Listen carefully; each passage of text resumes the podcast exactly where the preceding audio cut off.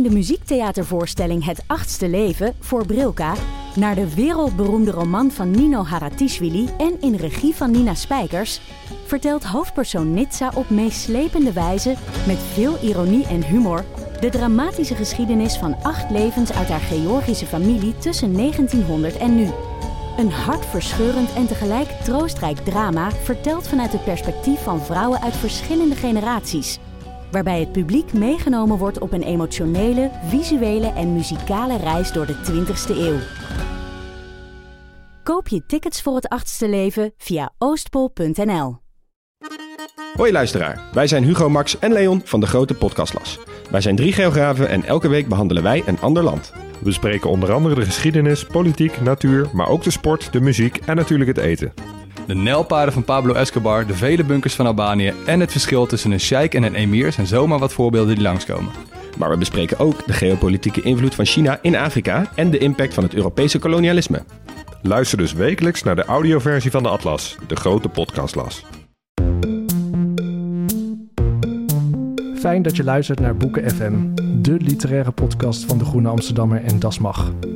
Wil je nooit meer een aflevering van ons missen? Neem dan een abonnement op ons in jouw podcast-app. Zo ben je als eerste op de hoogte als wij weer wat nieuws te vertellen hebben. Wij doen ook vreugdedansjes als we een mooie recensie of gouden sterren van jullie krijgen in jouw podcast-app. En je helpt je medemens omdat wij dan ook beter zichtbaar zijn in hun podcast-apps. Zit je met een vraag of heb je opbouwende kritiek voor ons? Mail dan naar boekenfm.dasmag.nl.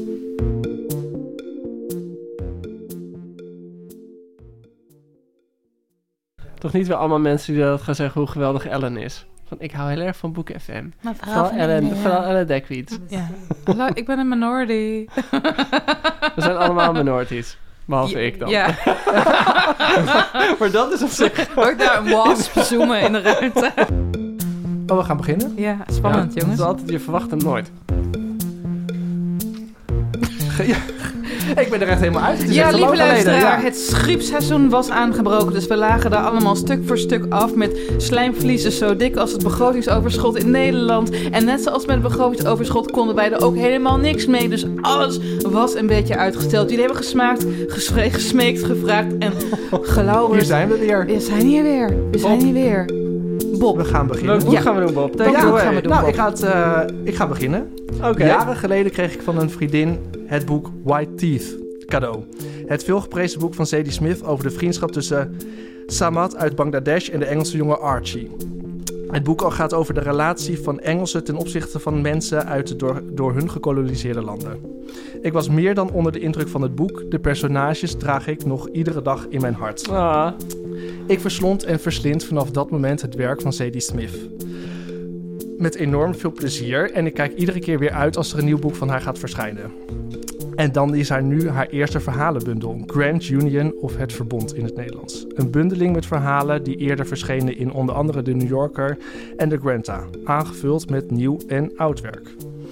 In het verbond onderzoekt Smith met haar uitmuntende observatievermogen en onovertroffen stem Wat?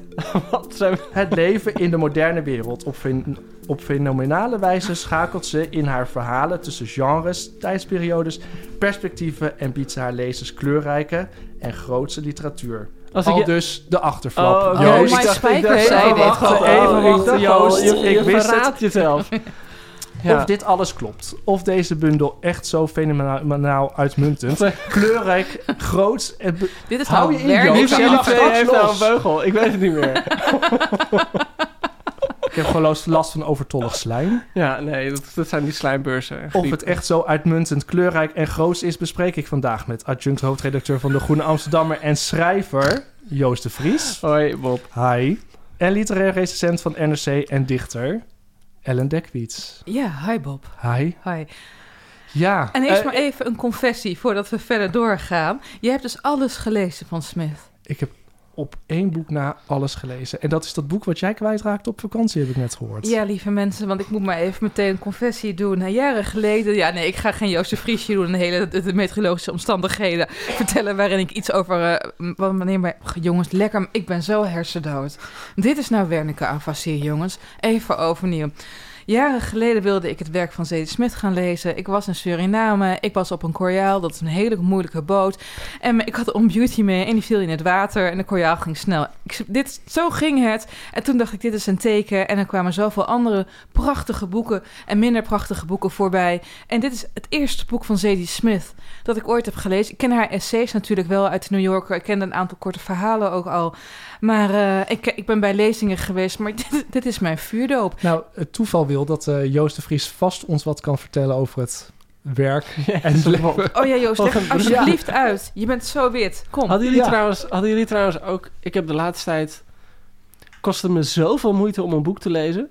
Heb je dat, ik zat echt in zo'n... Ik weet niet of het zo... Nou, ik, ik, had allemaal boeken die ik wilde lezen. Ja. En ik begon ook overal in en ik heb niks kunnen uitlezen. Wauw, Joost. Ja, ik had, dat, heb ik nog nooit in mijn leven gehad. Ik krijg ook niks van, uit. soort, geen writersblok, maar een readersblok. Ik krijg er niks uit. Heb jij dat wel eens, Ellen? Nou, ja, de grap is dat ik juist nu in een enorme flow zit qua lezen. Ik, ik, ik, ik lees nu echt vijf boeken per week. Ik weet ook niet, ik ben ook ziek geweest. Misschien Ja. dat dat meespeelt. Maar, eh, en dat is ook de ellende om even... eh, dan heb je ook boeken om het mee te vergelijken. Hier kom ik gewoon zo meteen verder op. Ja, ja, ja. Maar jij hebt wel, voordat je dit readersblok kreeg, lieve Joost, het werk van Zadie Smith gelezen. Ja, ja, ja, In helemaal. het, in het gewoon in het Grieks of in het Engels? Nee, of, eh, gewoon in het- Oké, in het- gewoon, gewoon in Nou, het het gekke met, met Zadie Smith is dat afhankelijk heb ik me altijd heel erg verzet tegen haar. Omdat, ik bedoel, dat moet je haar nageven. Er hangt om Zadie Smith natuurlijk altijd een soort van goeroe-status heen.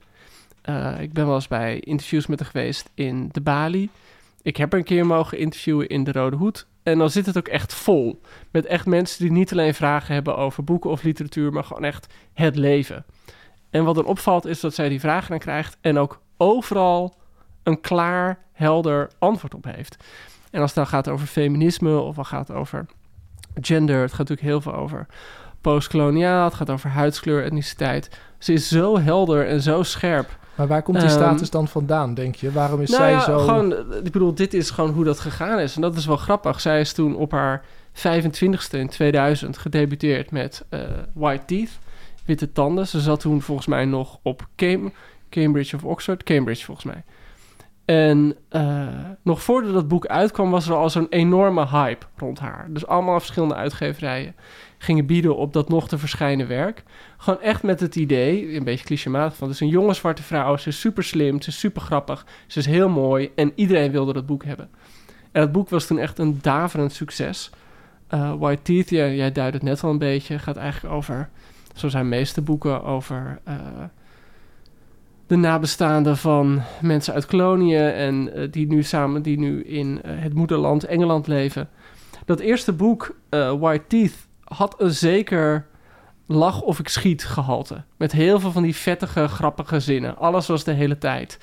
eh, koddig en ironisch en grappig. Het deed me een beetje aan Tom Wolfe denken op een bepaalde manier. Ik was er niet zo heel veel weg van. Eh, ik heb het veel later pas gelezen hoor. En toen kwam ze met The Autograph Man in 2002. En dat weet ik nog heel goed. Toen kwam er zo'n hele lange, slimme bespreking van James Wood. eh, nu criticus bij de New Yorker. Mm. En die Ja. gebruikt toen voor haar boek de term hysterisch realisme. En dat is echt Mhm. helemaal zo'n term die hij bedacht heeft en die nu een eigen Wikipedia heeft. Ja, maar, maar, maar, maar dat, hij, hij beschuldigde ook andere schrijvers Ja, ja, David dus in, Foster in, Wallace in dat ene stuk had hij het, ja, ja. over Thomas Pynchon en David Foster Wallace. Eigenlijk zo'n hele generatie schrijvers die allemaal, zei die, het zijn boeken die duizend dingen over de wereld vertellen, maar niets over het leven. Dus Ja. van die boeken die heel erg op grappen en op informatie en op rare gebeurtenissen, die allemaal zouden kunnen gebeuren. Maar eigenlijk boeken die heel weinig te melden hebben over het leven. En ik weet nog dat het stuk verscheen. En toen, vlak na 11 september, geloof ik. Of, eh, nee, ik weet niet meer. Niet zo heel lang daarna. En toen schreef Sadie Smith ook echt zo'n reactie. Dat ze, dat ze eigenlijk vond dat hij helemaal gelijk had. En toen het boek dat ze daarna schreef, dat is denk ik het boek waar gewoon haar meeste, haar reputatie als, als romanschrijver het meeste dus On Beauty. En dat was eigenlijk in, in 2005 is dat een, een hele klassieke roman, heel erg geïnspireerd door Ian Foster. Dat was echt haar grote voorbeeld. Eh, over een witte hoogleraar met een zwart gezin, die dan eigenlijk in een soort concurrentie belandt met een ander gezin van academici. En zijn zoon krijgt iets met de dochter uit dat gezin. En dat vindt hij vreselijk. En dat is echt een hele klassieke familieroman. Echt op een hele mooie, ehm, ja, eh, melancholische, maar ook wel grappige manier geschreven. En dan niet grappig zo van ha ha ha grappig, maar echt veel meer ingetogen. En dat gaat dus ook heel erg over hoe al die etniciteiten door elkaar heen lopen binnen één gezin. En hoe de leden van één gezin door andere mensen op, op andere manieren worden ge- gezien. Terwijl ze toch echt dezelfde ouders hebben. Maar waarom vertelt dat boek dan wel iets meer over het leven dan eh eh, Ja, omdat ze in dat, boek, in, in dat boek volgens mij veel minder bezig was met haha grappig zijn. En volgens mij is dat het boek waar de personages gewoon het meest eh, levensecht tot uiting komen. En dus, dus dat boek had toen ook de shortlist van de boekprijs gehaald. Dat is denk ik nog steeds het boek, nou, dat jij beter weten, en ik dat volgens mij van haar het beste verkoopt. Eh, of tenminste, dat is echt een beetje zo'n klassieker geworden. Nou, Eh, Dat durf je niet te zeggen, Nou, dat komt misschien meer omdat die heb ik dan toevallig niet gelezen. Ik vind het leuk om persoonlijk advies te geven. Dus als iemand voor een boek van Zadie Smith koop, komt, dan geef ik eh, vaak het advies om White Thief te lezen, omdat dat voor mij zo'n eh, bijzonder boek Ja. was. Eh, maar we hebben alles verkoopt eigenlijk. Ze is echt Ja. immens Nee, nee, nee, populair heel nog erg, ja. steeds. Maar Joost, en, toen, gaan- en toen na eh, On Beauty heeft ze volgens mij echt heel lang geen fictie meer geschreven. Ja, NW. En nog? W kwam toen in 2012. Dat was een heel experimenteel roman. Eigenlijk over een wijk in Noord-Londen. Heel erg de wijk waar ze vandaan kwam. En toen in 2016 kwam ze met Swingtime. Wat ik voor een deel een beetje een saai roman vond. En voor een ander deel echt een geweldige roman. En het geweldige deel vond ik, het ging over eh, twee meisjes, twee beste vriendinnen, die samen opgroeiden. Een beetje Elena Ferrante-achtig. In een achterstandswijk in eh, Londen. En ze zitten dan bij elkaar op de basisschool. En eigenlijk gaat het heel erg over klassenverschil. Ja. Er zijn allebei armen, de een iets minder arm. De arm, de ene heeft ouders die er echt iets van proberen te maken en de ander niet. En er wordt heel mooi beschreven hoe die twee meisjes uit elkaar groeien. Ehm Heel Engels. Swingtime, heel ik. Engels, ja. Dat, ja. Die klasstrijd op een heel klein eh, Ja. niveau. Ja, en daartussenin heeft ze natuurlijk allemaal essays geschreven voor de New York Review of Books en de New Yorker. Die zijn ook wel gebundeld in Changing My Mind. Ja, En Joost, eh, die swingtime, hè? Ik bedoel, Ja. Je zei net dat met On Beauty eigenlijk een keerpunt is in haar oeuvre. is eh, dat Ja. swingtime ook een stap verder van het hysterisch Nou, realisme dat ja, haar eerder ja, werd ja, nee, verweten? is veel meer ingetogen. Ja? Maar het, het gekke is, en dat, dat, vra- dat vind ik dus wel interessant bij Smith, is dat ze is nu 44. En dat zie je denk ik ook in die verhalen, in die verhalenbundel. En dat zie je ook in haar romans. Het is wel iemand die nog steeds gewoon heel erg bezig is met gewoon andere dingen uitproberen. Dat NW is onvergelijkbaar met Swingtime. Ja. NW is echt, weet je wel, dat de letters in bepaalde vormen op de pagina staan. En heel erg uitproberend. En heel erg allemaal verschillende vormen tegelijk. Terwijl Swingtime gewoon heel duidelijk één stem heeft die gewoon door het boek heen eh, vertelt. Het is veel en klassieker. NW, heeft het ook diverse stijlen? Diverse ja, ja, ja. registers? Nee, Oké. echt gewoon verschillende perspectieven, verschillende stijlen. Dus het is eigenlijk Helemaal. een soort Jennifer Egan... die met elk boek eigenlijk weer totaal iets anders gaat doen. Ja, ja dat, dat, dat, en maar dat vind ik dus het grappige. En dat is natuurlijk ook gewoon wat leuk is als je eh, voor jonge schrijvers, als je die volgt, dat je ziet hun groeien als schrijver gewoon voor je ogen gebeuren. Dus je ziet mensen echt iets uitproberen. En dat, dat zie je bij Smit heel erg. Dat zie je volgens mij in deze verhalenbundel ook. Met die verhalen schieten alle kanten op in vorm en onderwerp en toon. Ja, moeten we er meteen bij vertellen Ja. dat deze verhalen eh, er over een heel breed tijdvlak Ja. zijn geschreven. Sommige zijn wat 15 jaar oud al, 15 jaar geleden al gepubliceerd. Andere, 11 van deze verhalen waren nog nooit eerder Nee. ergens afgedrukt. Volgens mij heeft hij ook wel recent geschreven hoor, de meeste. Dat, dat, dat moet wel, want ze gaan op best wel actuele... Ja, eh, het Kavanaugh trial, ja. het, het gaat op actuele dingen eh, in. En ehm, ik zou eigenlijk willen overgaan naar het boek zelf. Want Ja, tuurlijk. Ja, ik Eh, ben al veel te lang aan het lullen over. nee, Zee- nee, nee, het is gewoon saai, Joost. Het heeft niets met lengte te Nee, maken nee, als nee, met nee, Het gaat vooral om hoe ik het vertel. Nee, dat, dat is Ja. kut, ja. Nee, we, we waarderen je heel erg, Joost. ja. Eh, wat voor verwachtingen hadden wij van tevoren? Oh, mag ik als eerste? Ja, natuurlijk mag je dat, Elle. Ja, weet je, ik dacht van, oh, hier gaat het gebeuren. De Zadie Smith, waar iedereen in mijn omgeving zo dol op is. Bij mij, bij mij, bij mij gewoon nooit is gelukt. Ja, ik zag gewoon zo slecht voorteken dat het boek te water ging om het te lezen. En ik begon met het eerste verhaal, de dialectiek. En ik ging, nou, ik ging lekker. En vanaf het tweede en derde verhaal was ik helemaal verkocht. En bleef dat? Nee, nee. En, dat heb ehm, ik vaker gehoord. dat heb je vaker gehoord eh, over deze bundel? Ja, van collega's. Oké. Toevallig. Oké, Ik oké. had het even voorbespreken. En, eh, inderdaad, dit Ja, twee, drie verhalen hield ik het voor. En toen, ja, ik vond het juist heel erg op en neer gaan. ja, ik ook. Ja, echt, eh, echt dat je echt denkt van waarom was je vorige verhaal zo waanzinnig? En nou, ik denk dat Lazy River een van de hoogtepunten is. Dat het daarna een beetje als een plumpudding inzakte. Niet helemaal mee eens, maar zullen we gaan concretiseren? Zullen we anders even aan het Lazy River, als ik het goed samenvat, vonden dat, je kijkt me heel erg zorgwekkend aan, Merel. Meer als Nee, kijk, die, die Dit is nou acne. eigenlijk de macht achter de schermen is Kijk maar even wat dichterbij. Ja, ik heb, een, ik heb hier een beugel, dus ik ben weer helemaal een tiener. Ehm, zullen we het eerst gaan hebben over de dingen die we, waardoor we de bundel wilden doorlezen? Ja ik, ja, ik zat dus wel het over Lazy River, noemde je net. Voor Ja. mij was dat echt de reden om de bundel meteen te kopen ook. Ik weet nog dat Lazy River in de New Yorker stond. Ja.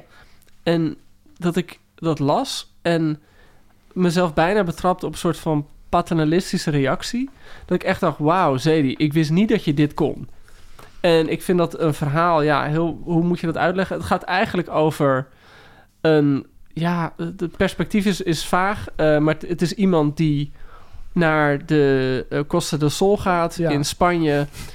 En eigenlijk is het verhaal heel erg metaforisch. Het gaat gewoon over dikke Engelse toeristen die naar een all-you-can-eat resort gaan. En, En de hele dag in de Lazy River is het. Dat ja, is een soort Spanje een beetje overnemen. ja, of ook op geen enkele manier geïnteresseerd zijn in Spanje. Niet de taal spreken, gewoon Nee. Engels willen eten. En die zijn de hele dag in de Lazy River. En de Lazy River is een soort van... Ja, in het zwembad, een soort waar je met een, een band inspringt. Ja. En dan laat je jezelf gewoon meedrijven. Ik zag een soort ISO-tank voor me eigenlijk, waar Ja. die mensen gaan liggen en dat is wat ze doen. Eieren en worsten eten. Ja, Ja, Ja. en, en wat, wat, ik, wat ik het knappe vond. Kijk, je hebt het idee... Ik dacht, wel, wat ben ik nou een essay aan het lezen? Of een kort verhaal. En die Lazy River, dat doet ze eigenlijk al vrij zeer aan het begin van... Lazy River, ja, het is die beugel, jongens. Lazy River, doet Sadie Smith al vrij eh, voorin in het verhaal. ehm, is natuurlijk een metafoor hè, voor Ja, het leven, nogal, voor de globalisatie, voor de desinteresse voor andere culturen. Maar eh, ze maakt tegelijkertijd toch ook een soort Griekse tragedie van. De, de, die ongeïnteresseerdheid in de wereld om de mensen heen en tegelijkertijd dat je daar niet voor wordt gestraft, dat je gewoon maar door kan blijven bestaan. Dat illustreert ze prachtig. En eh, ik wil een stukje daaruit voorlezen. Graag. Ja, oké. Eh, hier en daar zien we op andere balkons andere mannen en vrouwen op andere lichtbedden met andere apparaten zo'n beetje hetzelfde doen. Beneden stroomt de Lazy River, knalblauw, fluorescerend blauw, Facebookblauw. Er staat een geheel geklede man in, gewapend met een lange mop. Hij wordt op zijn plaats gehouden door een andere man, die hem rond zijn middel vastklemt zodat de eerste man zich schrap kan zetten tegen de sterke, maar slaapverwekkende stroming. Zijn mop schuin kan houden en randen kan ontdoen van alle vuiligheid die wij van onszelf hebben achtergelaten. Nou, ik ga aan hoor, jongens. Joost, Ja. jij- ik zie je ook fanatiek bladeren. Ja, nee, ik zat er gewoon doorheen te bladeren. En, en, eh, maar precies wat jij zei, en dat vind ik er wel heerlijk in. En dan merk je, dat zegt misschien ook wel iets over Zadie Smith... dat in een paar van haar beste verhalen... schuurt het bijna tegen het essayistische aan. Ik bedoel, dit Lazy River is niet een verhaal met een, een plot... of een, ik bedoel, dus überhaupt eigenlijk geen personage. Het is meer een soort van alwetende verteller... die er zelf ook in zit. En wat ik gewoon zo sympathiek van Zadie Smith vond... is dat ze in een interview een keer zei... Kijk, wij hebben natuurlijk Harry Mulisch die dan altijd zei van... ik ben geen lezer, ik ben een schrijver. Ja. Eh, en Zadie Smith zei altijd... Dat zei een keer in een interview, of ik zo eerlijk... van ja, ik ben eigenlijk misschien meer een lezer dan een schrijver. Mm. Ik vind lezen ook leuker dan schrijven. Ik lees ook veel meer dan dat ik daadwerkelijk aan het schrijven ben. Haar, En- haar quotes staan ook echt op alle Engelse boeken die uitkomen. ja, ja, ongeveer. ja, nee, dat, dat is echt niet normaal. Ehm, en op een bepaalde manier zie je dat soms in die boeken, dat- of sommige van die verhalen, dat ze gewoon. Ik vind haar bijvoorbeeld in haar essayistiek, haar, haar fictie schiet, wat mij betreft, alle kanten op. Van heel goed tot uh, Bedroevend. Ja, bedroevend soms.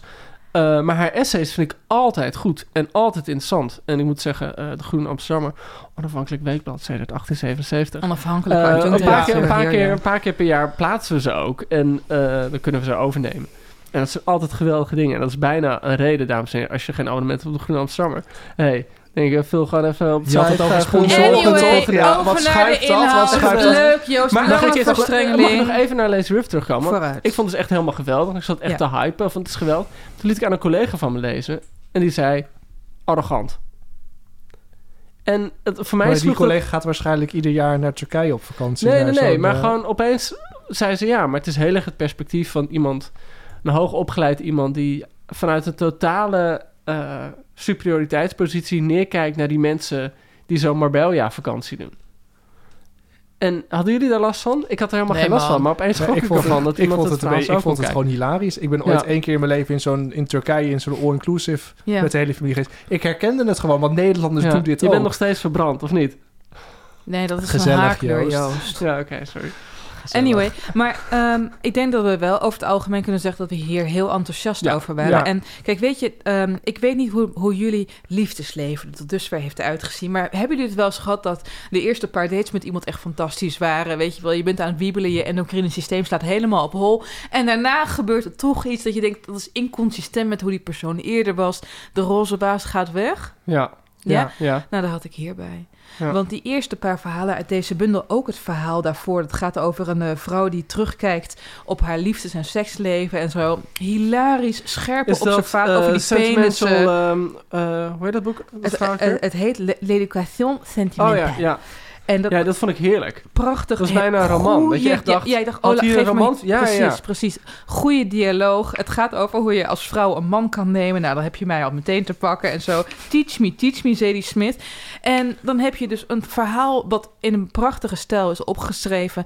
Dat Lazy River eh, verhaal. En daarna begon het toch een beetje... Ja, ik weet niet, het was net de entertainment group. Hè? Het stortte helemaal in. Maar waar komt dat kantelpunt dan Dat voor jou? kantelpunt, ik pak even de inhoudsopgave erbij. Kijk, eh, op een gegeven moment krijg je het eh, korte verhaal, eh ochtendelijke, ochter, ouderlijke ochtendinzichten. Lekker, Elle. Ja, dit is nou echt een hersenbloeding. Ik pak hem er even bij. Waarin Smith opeens heel erg meta gaat vertellen over vertellen. Het verhaal Ja. opent als volgt. Ouderlijke ochtendinzichten 1. Welkom bij het Werkblad Vertelinzichten. Technieken, sorry. 2. Neem het werkblad gerust mee naar huis en bekijk het met uw kind. 3. Laten we beginnen. Proza-schrijvers gebruiken technieken zoals... Nou, dan gaat ze uitleggen wat een dialoog is... wat onthullende acties, diverse standpunten zijn. Het is natuurlijk, laten we... e- Als je teruggaat naar hoe James Woods... haar van hy- eh, hysterisch realisme beschuldigt... James Woods heeft een boek geschreven... How Fiction Works... waarin hij precies deze aspecten van het verhaal, van het proza, uiteenzet. En dit kan je opvatten als een enorme sneer naar hem. Maar weet je, dat mag als het maar werkt. En dit is niet meer dan een wat flauwige meta-analyse van hoe je een verhaal kan vertellen. En dat doet ze verderop in deze verhalenbundel zo ontzettend vaak. En nogmaals, ik heb op zich niks tegen het doorbreken van de vierde wand, al is het passé cliché en heel vaak gedaan. Ik heb er niks tegen als je op een hoger niveau over vertellen gaat denken, maar als je dan pretendeert er verhalen van te maken, zorg dat ze dan werken. Zorg dat ze aankomen. En ik was op een gegeven moment, ik heb er drie weken over gedaan om dit boek te lezen. Ik heb vandaag het laatste verhaal uitgelezen omdat ik gewoon zo'n weerzin had. Hè? Tegen, tegen dat er weer een verhaal komt van... we beginnen met een personage en het personage heet Kelso. I really don't care. Maar heb je niet dan, want dat heb ik gedaan, op een gegeven moment gewoon de eerste, toen het een beetje in begon te zakken, Ja. gewoon de eerste paar zinnen gelezen, dacht ik, oh, in dit verhaal heb ik geen zin, dat lees ik later wel. Of heb je gewoon echt op volgorde Dat gelezen? heb ik helaas gedaan. En eh, ik ben op een gegeven moment het boek achterstevoren gaan lezen. Want ik, had, ik was er gewoon zo ontzettend klaar mee. En het slotverhaal is meteen het titelverhaal, hè, het verbond. En dat was veel wel te doen. Maar wat, ik, wat mij gewoon echt stoorde, was dat hele metaniveau. Want, want Zedie, kijk, en dat, dat begrijpen we wel. Anderzijds, eh, om het even voor- haar op te nemen... eh, ik begrijp ook wel dat ze dat metaniveau erin heeft gestopt. Want heel veel thema's in dit boek eh, raken aan het failliet van verhalen, aan het failliet van taal. Dat we in een tijd leven waarin literatuur eigenlijk vrij weinig nog vermag. Dat er binnen de eh, politiek en binnen het globalisering zo ontzettend veel wordt afgelogen. Dat je eigenlijk helemaal niks meer hebt aan verhalende, ver- verhalende fictie. En dat het eigenlijk tijd is voor, en dat woord komt een aantal keren ook terug in het boek, waarachtigheid. En de vraag die zij in meerdere van dat soort irritante meterverhalen wel terecht opwerpt, is: wat is waarachtig? Wat is authenticiteit in deze polyfone. In dit polyfoon tijdsgevecht, waarin duizenden beelden en meningen per dag via social media en kranten over ons heen buitelen. De vragen die ze opwerpt, worden alleen niet bevredigend Beantwoord. beantwoord. En niet eens, kijk, je kan een vraag openlaten als je maar genoeg nudges geeft, zodat je als lezer kan denken, oh, je wilt die kant op of die kant op. Maar het, het inspireerde mij niet tot verder doordenken. Hoe, hoe denken jullie daarover, Nou, jongens? Ja. Ehm, wat een ander thema is, dat volgens mij in veel verhalen zit, is gewoon denken over de ander. Volgens mij is dat ook echt een thema dat heel erg bij Zadie Smith past, ook in de essays. En volgens mij heb je heel veel verhalen en daar vind ik er veel beter in slagen. Want ik ben het wel met je eens hoor, dat er zitten best... Het zijn ook heel veel verhalen. Ik heb liever als je een verhalenbundel maakt dat er gewoon zeven zijn of zes. Of Nine Stories. Ja, of Nine Stories. En eh, eh, dat afgebaakt is. En nu waren heel veel stukken dat ik dacht van... oh, ze heeft een ideetje. En dat werkt ze uit. Dus van die 22 verhalen, of hoeveel zijn het er? Te veel. Ja, te veel. Ik, ja. ik had bijvoorbeeld heel erg gehoopt... dat er minder verhalen in stonden... en dat dan ehm, de ambassade van Cambodja erin staat. Dat is een keer een, eigenlijk een lang verhaal. Dat Een soort van verhaal. als een kleine novelle is dat Ja. uitgegeven. Dat is echt schitterend. Het gaat over een schoonmaakster op een ambassade in eh, Londen. De Cambodjaanse eh, ambassade. Dat is echt geweldig. Dus ik kocht dit echt met het idee, oh, dat staat er vast in. Dus ik, vond, ik ben het met je eens hoor. Er zitten heel veel verhalen die een soort gek metatoontje heeft. En metatoontjes, als je dat verkeerd doet, is het inderdaad... eh, Stier en oervervelend. ja, dat het eigenlijk een beetje... Dat je denkt van, goh, de auteur heeft niet echt iets te melden. Behalve Nee. dan... Maar goed, dus... Maar in de verhalen die ik eigenlijk meer ges- ge- geslaagd vond... waren allemaal, denk ik, stuk voor stuk verhalen... die heel erg gingen over het niet kunnen zien van de ander. Ja. Dus dan heb je dat verhaal wat ik echt geweldig vond... eh, in het Engels heet het Sentimental Education... Mhm. Ja. Eh, dat gaat eigenlijk over een meisje die een vriendje heeft op de universiteit. En dan ook maar iets met zijn eh, beste vriend begint. En hem eigenlijk bedriegt. En uiteindelijk ook dat vriendje een soort van erin naait. Dat is heel erg omdat zij bepaalde ideeën heeft over eh, dat tweede vriendje. Heel erg bedenkt, oh hij is zo'n soort iemand, dus dit en dit kan wel. En uiteindelijk blijken die ideeën helemaal niet te kloppen. Dat zit volgens mij ook heel erg in Lazy River. Dat heel erg dat zou oordelen over anderen. Je hebt een ander geweldig verhaal, dat heet eh, in het Engels Miss Adele amidst the Ja. corsets. Het gaat over een, een transgender vrouw die, die, die uit haar corset scheurt en naar de winkel gaat en eh, een nieuw corset, eh, co- eh, corset, Corset. koopt. En eigenlijk woedend wordt niet op de verkoopster, maar op de, de man van de verkoopster. En waar Smith daar heel goed in speelt, dat eh, die Miss Adele is zo van overtuigd dat zij op een bepaalde manier wordt bekeken. En in de namelijk zijk wordt en in genomen. de zijk wordt genomen. Ja. Dat ze eigenlijk in totale stereotypes over die anderen gaat denken. Dus het is niet alleen dat zij als het ware wordt gediscrimineerd. Zij discrimineert net zo hard terug. En dan is denk ik Smith op haar best. Dat ze gewoon die faalbaarheid van allebei laat zien. Dat ze allebei naar de ander kijken en een soort van het menselijke in de ander verliezen. Ja, die morele ambiguïteit, dat ben ik Ja. met je eens. En met ook wat ik een heel interessant eh, verhaal vond. En daar, daar, daar zit ook een haak en een oog aan. Op een gegeven moment heeft ze het over een, eh, een Ierse politieagent ergens in New York? Nee. Boston? Boston, ja, natuurlijk Ierland, Boston. Ja. Je krijgt het verhaal helemaal vanuit zijn perspectief Ja, ja. mee. Oh, en op het heet dat laatst... verhaal ook weer? Ja, zoek jij maar even op. Dat Eh. uh, even aan onze li- lieve luisteraars verder. En op, eh, die man, zijn vrouw, die heeft hem, eh, die wilde scheiden. Ze hebben een, drie volwassen zoons. En de hele tijd denk je, wanneer gaat die man flippen? Een, een shooting beginnen? Wanneer gaat het helemaal mis? En het gaat uiteindelijk niet mis. En het verhaal zoomt in de laatste alinea's in op die vrouw. Die opeens heel blij is dat ze van die man af is. Dat ze in goede vrede uit elkaar zijn. En nu het tijd is om eigenlijk aan haar eigen leven te beginnen. Big Week heet het in het Big Engels. Week. En dat vond ik, dat redde het hele verhaal Ja. voor mij. Maar daarbij kroop mij wel een ander, een klein bezwaar. Net zoals Ja, bij het verhaal over die transgender, die een corset. Dat is eh verhaal technisch vakwerk. Weet Ja. je wel? Hoe, hoe er wordt eh, gewisseld, hoe verwachtingen worden opgeroepen en niet ingelost. Hoe de scènes aan elkaar worden gezet. Dat is eigenlijk haast alsof je James Woods How Fiction Ja. Works. Je zou het haast als een pastiche kunnen zien. Maar ik vind het ook saai. Vond je het saai? En Ja. waar- Oh, ik vond dat waarom vind je het dan saai? Heb je, heb je, wat- Omdat ik dacht, ja, oh ja, nu natuurlijk gebeurt er dit. Niet dat het voorspelbaar was, maar je verwachtte wel, op dit punt heeft, heeft het verhaal een bepaald soort energie bereikt. Dus nu gebeurt er ah, en zal dat dan... ja, tempo, weet je wel? Ik, ik had dat eigenlijk niet. Maar misschien Ja. heeft dat ook met een bepaalde... be- ja, het klinkt een beetje som... ja, dat weet ik. weet Het is gewoon maar, een oprechte vraag. Ja. Of het met een bepaalde belezenheid te maken heeft. Eh, dat je zoveel leest dat je gewoon op een gegeven moment...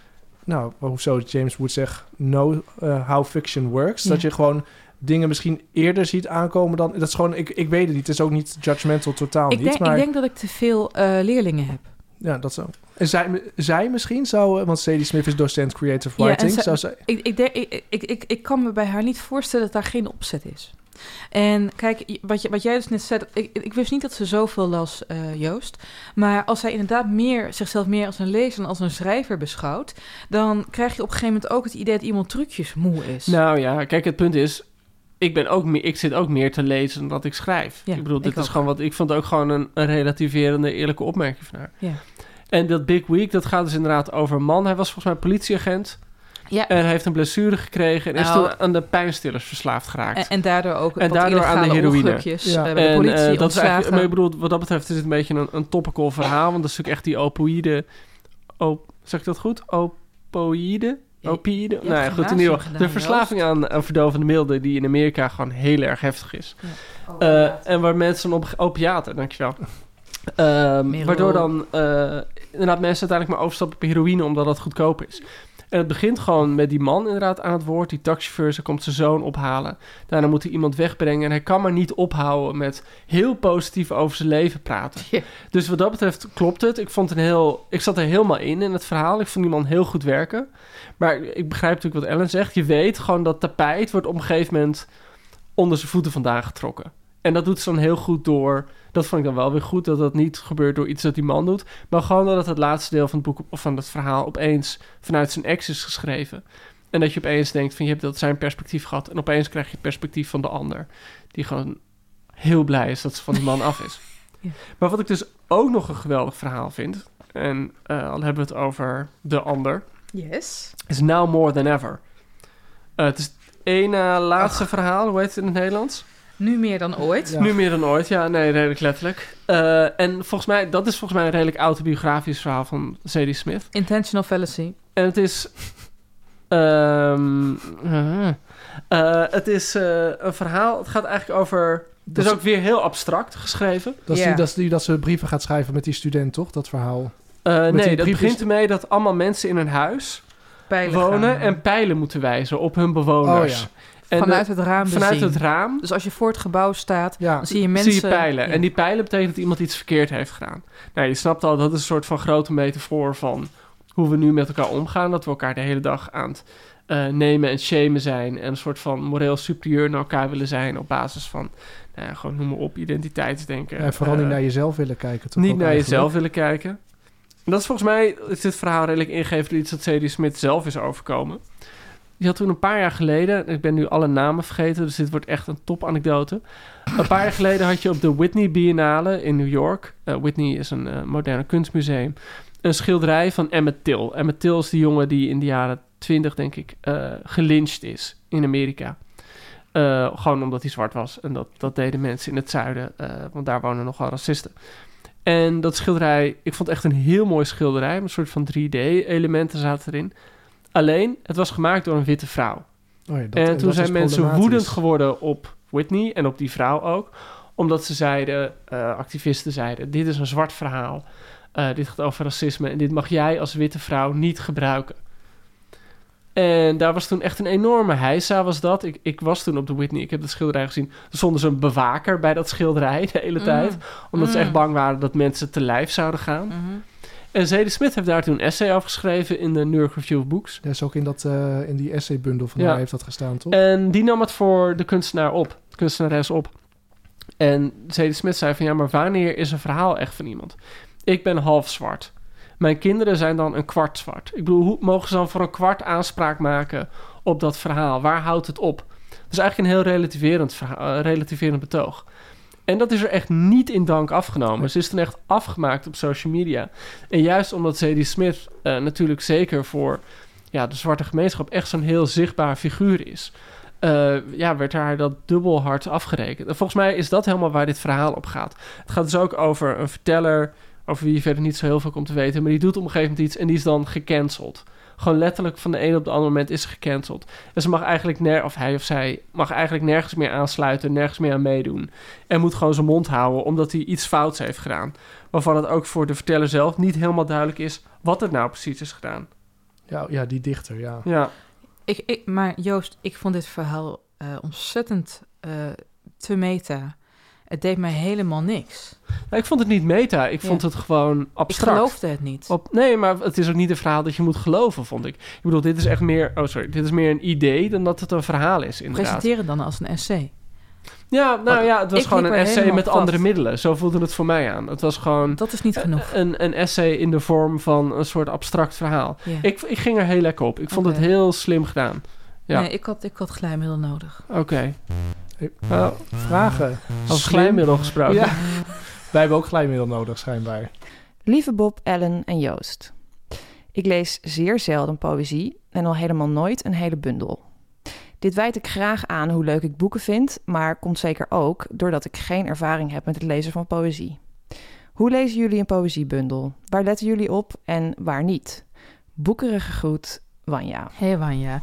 Nou, wat, wat, wat, wat, wat een goede vraag. Rustig blijven. Rustig, Ellen. Ellen. rustig, nee, rustig. nee, nee, nee. nee. Ik, word, ik, word, ik word hier heel enthousiast van. Ehm, kijk, weet je, we hebben in Nederland te maken nog steeds met een enorme poëzie, drempelvrees. Dat zijn verschillende oorzaken van groepen doelende docenten Nederlands die zeggen, waar gaat het over? En vervolgens elke interpretatie afstraffen. Tot en met het imago wat aan poëzie kleeft, namelijk van slechte jazzmuziek, stoffige oude mensen en heel veel kooltruien, vooral zwarte kooltruien. Ehm, bij, bij poëzie wat ik eigenlijk als tip zou geven als je gaat beginnen, eh, koop een bloemlezing. Bijvoorbeeld uh, Dom ben gelukkig in de Dapperstraat of met dat hoofd gebeurt nog iets, eh, samengesteld door Arie Boomsma, fun fact. Pak een potlood en ga tien gedichten per dag lezen en onderstreep de zinnen die iets doen, de regels. Kijk, kijk of iets je raakt. En als je die, bundel, die hele bloemlezing uit hebt, ga dan uh, een bundel kopen van een dichter van wiens gedichten je dacht van, oh, dat is wel oké. Okay. Nou, over het lezen van een bundel op zich. Um, veel, veel critici die ik ken, die, die beginnen eerst een beetje door die bundel te bladeren, slaan dan lukraak open en Ja, kijken of het dat- gedicht uh, ja, aanslaat. herkenbaar, ja. Ja, dat, dat Ja, jij dat heb ik je wel eens verteld. Ja, werd je heel boos op me. Ja, Dat- Ben- ik- meteen terecht gewezen. Ja, want ik ben inderdaad terecht boos op je. Eh, een, een bundel ook, is ook toch? nog steeds ben ja. heel boos. Een bundel is een chronologische daad. Het is een compositie, dus je gaat heel erg kijken wat vertel ik in welke volgorde. Net zoals in een film je elke, weet je wat, is niet een Raguela, een eh, alternatief henkelspel. Het, het gaat er echt om wanneer je wat aanbiedt. En eh, eigenlijk eh, lees ik soms Vroeger kon ik een bundel in één dag lezen, maar weet je, wel, ja, ik ben ook ouder aan het worden en de menopauze komt in zicht, dus nu kan ik er een paar dagen over doen. En ik laat het eerst één keer over me heen komen, ik maak aantekeningen en dan laat ik, als ik hem uit doe, een paar dagen rust, dan ga ik hem nog een keer lezen. En sommige bundels, die laat ik het ook bij, bij het twee keer lezen, en andere bundels blijf ik herlezen en herlezen en herlezen en herlezen. Ja. Joost, Ik Jij weet leest- nog, jij leest het- veel het- poëzie, het, punt is, het punt is met poëzie, denk ik... eh, ja, het is gewoon een beetje als een doelpunt waar een vleugje buitenspel aan kleeft. Je moet het gewoon de voordeel van de twijfel geven. Dat is gewoon in het belang van jezelf, in het belang van de cultuur. Ik heb inderdaad heel vaak dat ik een poëziebundel in mijn handen heb... en dan gewoon één mooie zin zie staan als ik erheen blader. En dan denk ik, oké, gaan we proberen. Ik weet nog, Ellen, dat ik van jou de blanke gave in mijn handen had in Atheneum Mm. waar Bob werkte, om eventjes nu een perfect driehoekje te creëren. Oh. Eh, en dat er gewoon één mooie zin in zat. Waar ik gewoon waar mijn Fuck ogen- jou, Nee, nee, nee. Joost, dus, eh, uit, ja. Ik la- rustig nou. Nee, gewoon dan even vecht met één keer rustig Ja, met die fucking gifangels van je. Ja, nee, gewoon alleen. Ik, ik had hem in mijn handen. Ik sloeg hem open. Was een gedicht, ik weet niet welk gedicht. Er stond één mooie metafoor in. Volgens mij als licht dat door een tentdoek viel. Oh ja. En toen dacht ik, oh, dit vind ik een mooie metafoor. En toen heb ik hem gekocht. Nou, Joost. En dan lees je hem. En dan zal je altijd zien dat je... En ik bedoel, dat is onvermijdelijk. En ik denk dat dat een beetje de poëziedrempel is. Er zitten onherroepelijk gedichten in waar je niet bij kunt komen. En waar je door de taal heen geen opening in vindt... waar het naartoe gaat, waar het nou precies over gaat. En A, met poëzie hoeft het natuurlijk niet altijd ergens over te gaan. Soms kan je gewoon in het gemoed van het gedicht helemaal meegaan. In de sfeer, maar En ook in de sfeer. in de kla- En in- klankrijkheid ervan. in de taal. Ja. En soms heb je een gedicht waarin je gewoon ja, echt zo'n één op één mee samenvalt. En gewoon helemaal. En, en het idee, denk ik, dat je van een bundel dat je dat met elk gedicht moet hebben, dat, ja, dat is onmogelijk. Eh, maar als je het gewoon een paar keer per bundel hebt, ik, heb is een, dat heerlijk. ik heb een voorstel, eh, Wanja, en ook alle andere luisteraars en eh, Bob en Joost, die ook onze luisteraars zijn. Wat nou als wij voor de komende Poëzieweek een poëzieaflevering maken? Dat wil je al jaren, Eh, volgens ik mij. vind het een goed idee. Wanneer is de Dankjewel, Bob. Poëzieweek? De laatste week van januari. Ja, dat lijkt me een Altijd. prachtig moment. Dan doen we dat. Ja, Bob, lees jij eigenlijk poëzie? Ik lees ook veel poëzie. Ja. Frans poëzie. Ja, alles. Ik lees al, behalve Nederlands. Nee, ik lees alles. Ehm, ik begin altijd gewoon vooraan. Eh, Ja. En dan lees ik eigenlijk vaak één cyclus en dan leg ik het weg. En dan dat herhaal ik dan. En doe ik een week of twee weken over een bundel. Ik lees meestal een, een roman en daarnaast een eh, poëziebundel. Eh, maar soms ben ik na één gedicht een beetje van de kaart. En dan eh, zet ik het in de kast en denk ik dat komt later wel weer een keer. Omdat ik het zo, zo goed vond. Ik, sommige bundels kom ik echt dat ik denk... Als je dit kunt bedenken, dan... Ja, ik vind dat heel erg Bij wie had je dat? ik had dat laatst bij Godface toevallig. Oh ja, Ik vond dat... Ja. Het ziet er sowieso echt fantastisch mooi uit. van Asja Ja, Karami. Karami, ja. ja. ehm, maar ik vond het zo rauw. eh, zo in your face poëzie. Dus had ik echt na twee gedichten dat ik dacht, ik, nee, Kan ik, eh, ik kan het niet aan, ik stop ermee. ja, En wat ik soms doe, ik weet dat het klinkt echt alsof ik een, een poesie-album heb en een schoolmeisje ben. Echt, als ik een heel mooi gedicht heb, schrijf ik het over in mijn agenda. Ja, dat heb je in het, het, het ja. werkt heel fijn als je het overschrijft. Dan krijg je dat ritme van dat gedicht even de helemaal taal mee. ook veel meer Ja. leven. Ja. Maar, maar, maar voor, voordat we weer verzanken in de eh, ervaringsdeskundige... eh, ge- ehm, welke bundels zouden jullie aanraden om mee te beginnen? Wel, Naast bloemlezing, kijk, Domweg Gelukkig de Dapperstraat is een goede... eh, de mooie bloemlezing die Anne Vechter destijds als dichter des vaderlands eh, heeft samengesteld. Wat zouden jullie aanraden om mee te beginnen? Waar, waar ging voor jullie het poëtisch vlammetje mee aan? Nou ja, kijk, wat, als je om mee te beginnen, eh, zou ik zeggen, probeer nu eh, Menno Wigman bijvoorbeeld. Ja. Ja. Dat zijn gedichten die niet te missen zijn waar ze over gaan. En vo- toch zijn ze volledig oorspronkelijk en poëtisch. Eh, die bundels zijn ook heel thematisch, heel hecht. Dus die gedichten horen echt bij elkaar. Tegelijkertijd kan je ze heel goed op zichzelf lezen. Ehm, dus bijvoorbeeld Slordig met Geluk. Ehm, ik- Mijn naam is Legioen. Ja, Slordig met Geluk vind ik echt een hele zwakke bundel. Oh. Mijn naam is Legioen is fantastisch, maar ook de Nee, oké, verzamelde maar gedichten, gewoon ja. Slordig met Geluk Ja. is voor een beginnende lezer wel perfect, denk ik. Ik vind het heel toegankelijk. Mm, Ja, m- m- die mijn naam is. Legioen ook. Ja. Maar, eh, eh, en andere dichters. Het, na- het werk van eh Esther Naomi Perquin. Ja. Ja. Ja, ja, ja. Ingmar Heitse. Ja. Ja. Dat is ook mijn, dat is ook mijn buddy, maar Ja, ja. Dat, dat, dat hoor ik heel vaak. Toon Tellegen. Bob? Ook heel toegankelijk. Eh, Ik zit, ja, ik ben begonnen met eh eh Plav en Use, maar dat is niet per se heel toegankelijk, zou ik. Nee, Huge, Huge nog meer dan Ja. Plath. Ja, Of je kan eens Eh, Cavavius lezen, weet je, dat is ook heel fijn. Dat is ook, ja. En dat blijft ook Melancholisch en mooi. toegankelijk, dat blijft ook wel echt mooi. Eh, ja, hi- iemand als Heaney of zo, ik lees dat ook nog. En het verbaast me altijd dat dat soort... Bij de Engels is het vooral de oude poëzie die nog echt enorm populair is. Ja. Dat vind ik echt... eh, Seamus Heaney heeft wel District and Circle, dat heb ik Ja. denk ik echt wel zes keer gelezen. Ja, en het is echt ook allemaal zo prachtig uitgegeven in die eh Faber- Faber, Faber. Faber, Ja, gekleurde. Dat is... eh, ja, dus het zijn ook echt fantastisch. eh, er is ook een bundel Kim Kardashian's Marriage. Eh, die heb ik gekocht omdat ik de titel zo goed vond. Ja. Eh, een Is hele ja, hele toegankelijk. Gewoon wel echt een poëzie van nu, zeg maar. Ehm, hebt natuurlijk ook de Instagram poets die, eh, en het- de, de, de, de podium poets die weer helemaal hoog eh, aan het eh, ja, opkomen zijn. Kate Tempest. Ja, Ja, Kate en Tempest. Amanda Lovelace. natuurlijk. Ja, ik kan het zeggen, ja, laatste wel. Ellen Dekwits. Ja, dat- bij het laatste bundel of zeiden mensen van ja, maar is het wel poëzie? Ja. Want we snappen het. Ik dacht, oh, dat is, dat is leuk. Dit Ja, is Ja, leuk. maar gewoon en je hebt een mooi boekje geschreven toch over hoe je poëzie... Ja, maar ik, ben, ik wil voordat het een Ellen Dekwits reclameblok wordt. Dat, We hebben de groene al gehad. Ja, dat is daar dus-. Ja, ik heb een fantastisch boek erover geschreven. Echt zo leuk. Olijf moet je leren lezen. Wanja, weet je wat? Kom een keer bij me langs, dan krijg je het van me. Nou, Gaan we er verder over praten. En moeten we ook nog erbij zeggen dat altijd op Boeken FM op Instagram dan de tips heeft staan? Ja, dat is wel een goeie. Ja. Dan kun je, als je ons daar volgt, dan krijg je te zien de, de boeken die wij tippen of Ja. noemen. In, eh of en dan kun je ook gewoon eh, Ellen, Bob mij volgen. Ja, en Dan daarna kan je kun je onze ook gewoon- vakantiefoto's zien gewoon eigenlijk. een, En eh, een zie je wat we, wat echt lezen, zeg Mijn maar. cavia-foto's Ja, vooral. gewoon een berichtje sturen en dan Ja. eh, zetten we het in de winkel klaar voor je. Ja. heel goed. Meer vragen. Beste Bob, Ellen en Joost. Wat ben ik blij met een podcast als die van jullie. Oh. Bij elke nieuwe aflevering spring ik een gat in de lucht en schiet ik zo snel mogelijk in mijn schoenen om ergens heen te wandelen waar ik helemaal niet moet zijn. Enkel en alleen om toch maar meteen naar jullie podcast te kunnen luisteren. Ah. Ik heb een vraag over literaire genres. Ik heb nogal de indruk dat sommige genres minder aanzien genieten dan andere en vaak als minder literair worden gezien, zowel door critici als door lezers zelf. Ik denk hierbij bijvoorbeeld aan thrillers en krimis. Ik merk vaak dat mensen die deze genres lezen zich soms bij voorbaat al schamen en verontschuldigen wanneer ze zo'n boek in de trein uit hun tas halen. Of dat ze het gevoel hebben dat ze zich voor hun keuze moeten verantwoorden, terwijl die boeken toch gewoon lekker weglezen. En ik dus prima kan begrijpen dat dat hen ontspant. Hoe komt dat volgens jullie? Dat er enige smet hangt aan de grote bestsellers kan ik ergens nog wel begrijpen, maar zijn er echt weinig of geen literair waardevolle boeken binnen het genre? Zijn er geen auteurs die zich het genre toch op unieke wijze eigen maken en tot een hoger niveau weten te verheffen? Of blijft het toch voornamelijk vermaak voor aan het zwembad of in de trein? Veel liefs, Anne. Zo. Wauw. Wauw. Wat is dit? Oké, Anna, Anne, goede wel een vraag. goede vraag. Wat wel een opmerkelijk eh, incident was, ik weet niet meer of dat nou dit, vorig jaar was dat denk ik. Toen had eh, Saskia Noord een andere schrijfster aangeklaagd. Weet niet of je dat nog meekreeg, omdat ze vond dat ze plagiaat had gepleegd. En er waren allemaal dingen eh, die volgens haar eh, erop duiden dat het boek was afgekeken.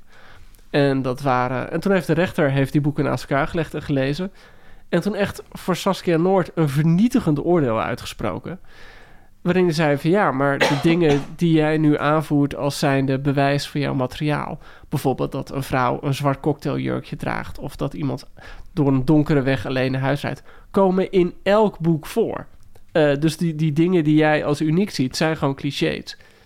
En ik denk dat dat soms een beetje hetgeen is waardoor bepaalde genres, thrillers vooral, eh, een minder aanzien hebben. Dat is toch het idee dat er een formule voor is. En dat er vaste onderdelen zijn die elke keer weer terugkeren. De grote ironie is vaak dat je met enige regelmaat gewoon meer literaire schrijvers zich dan voornemen om ook een keer een thriller te schrijven. En dat mislukt dan altijd. Ja, totaal. Eh, dan wordt het gewoon niet spannend. Dus het, het, het, eh, er zit een soort van tegenstrijdigheid in, inderdaad. Ja, en, maar, maar tegelijkertijd, ja, als we nu toch over het werk van Saskia Noord hebben, ik moet wel even voetnoten. Het is, het is een vriendin. Eh, eh, ik vind het echt niet slecht. En eh, sterker nog, eh, kijk, je hebt bijvoorbeeld, als we het over genres hebben, Anne, je hebt genre poëzie, hè, wat toch een soort hoogliterair ding aankleeft. Maar ik ken echt dichters die ik gewoon literair opzicht zoveel minder vind dan bijvoorbeeld het werk van, nou, van Saskia, van, van René Appel.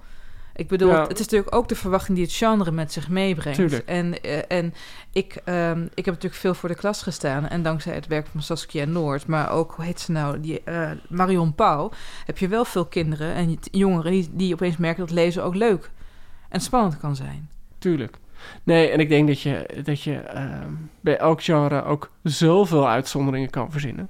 Ik bedoel, al heb je Ja. het over horror. Ja, ga maar zeggen dat Shirley Jackson eh, geen, literatuur, is. Nou, dat is fantastisch. Eh, Thrillers, Flannery O'Connor. Flannery Maar O'Connor, ook- ja. Ja. Agatha Christie vind ik ook wel eh, be- best wel uitzonderlijk Ja, in het nee. En, genre. en, Ja. en, eh, zo heb je de... Ja, Fantasy trouwens ja. ook, hè? We Ja. hebben ook, weet je wel, dat moet je in Nederland niet mee aankomen. Het is ook veel zeggen dat onze meest succesvolle fantasy, succesvolle fantasy-auteur heette nou de jongen die ook heks... Thomas ja, Olderheuvel. Thomas ja, ja, ja, ja, weet ja. je wel, Amerika gelauwerd Ja, hier. Nou, la, la, la, in la, la. Nederland... eh, Doodgezwegen ja, eigenlijk. er gebeurt ja. niet zoveel. Ja. Ehm, ja, en ja... eh, dat van die schaamte herken ik wel bij klanten in de winkel. Die dan Ja? echt...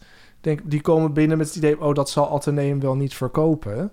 Eh, en dat, dat, vind ik, dat vind ik lastig. Want ik ben heel erg van de school... Weet, ik wil gewoon dat mensen lezen.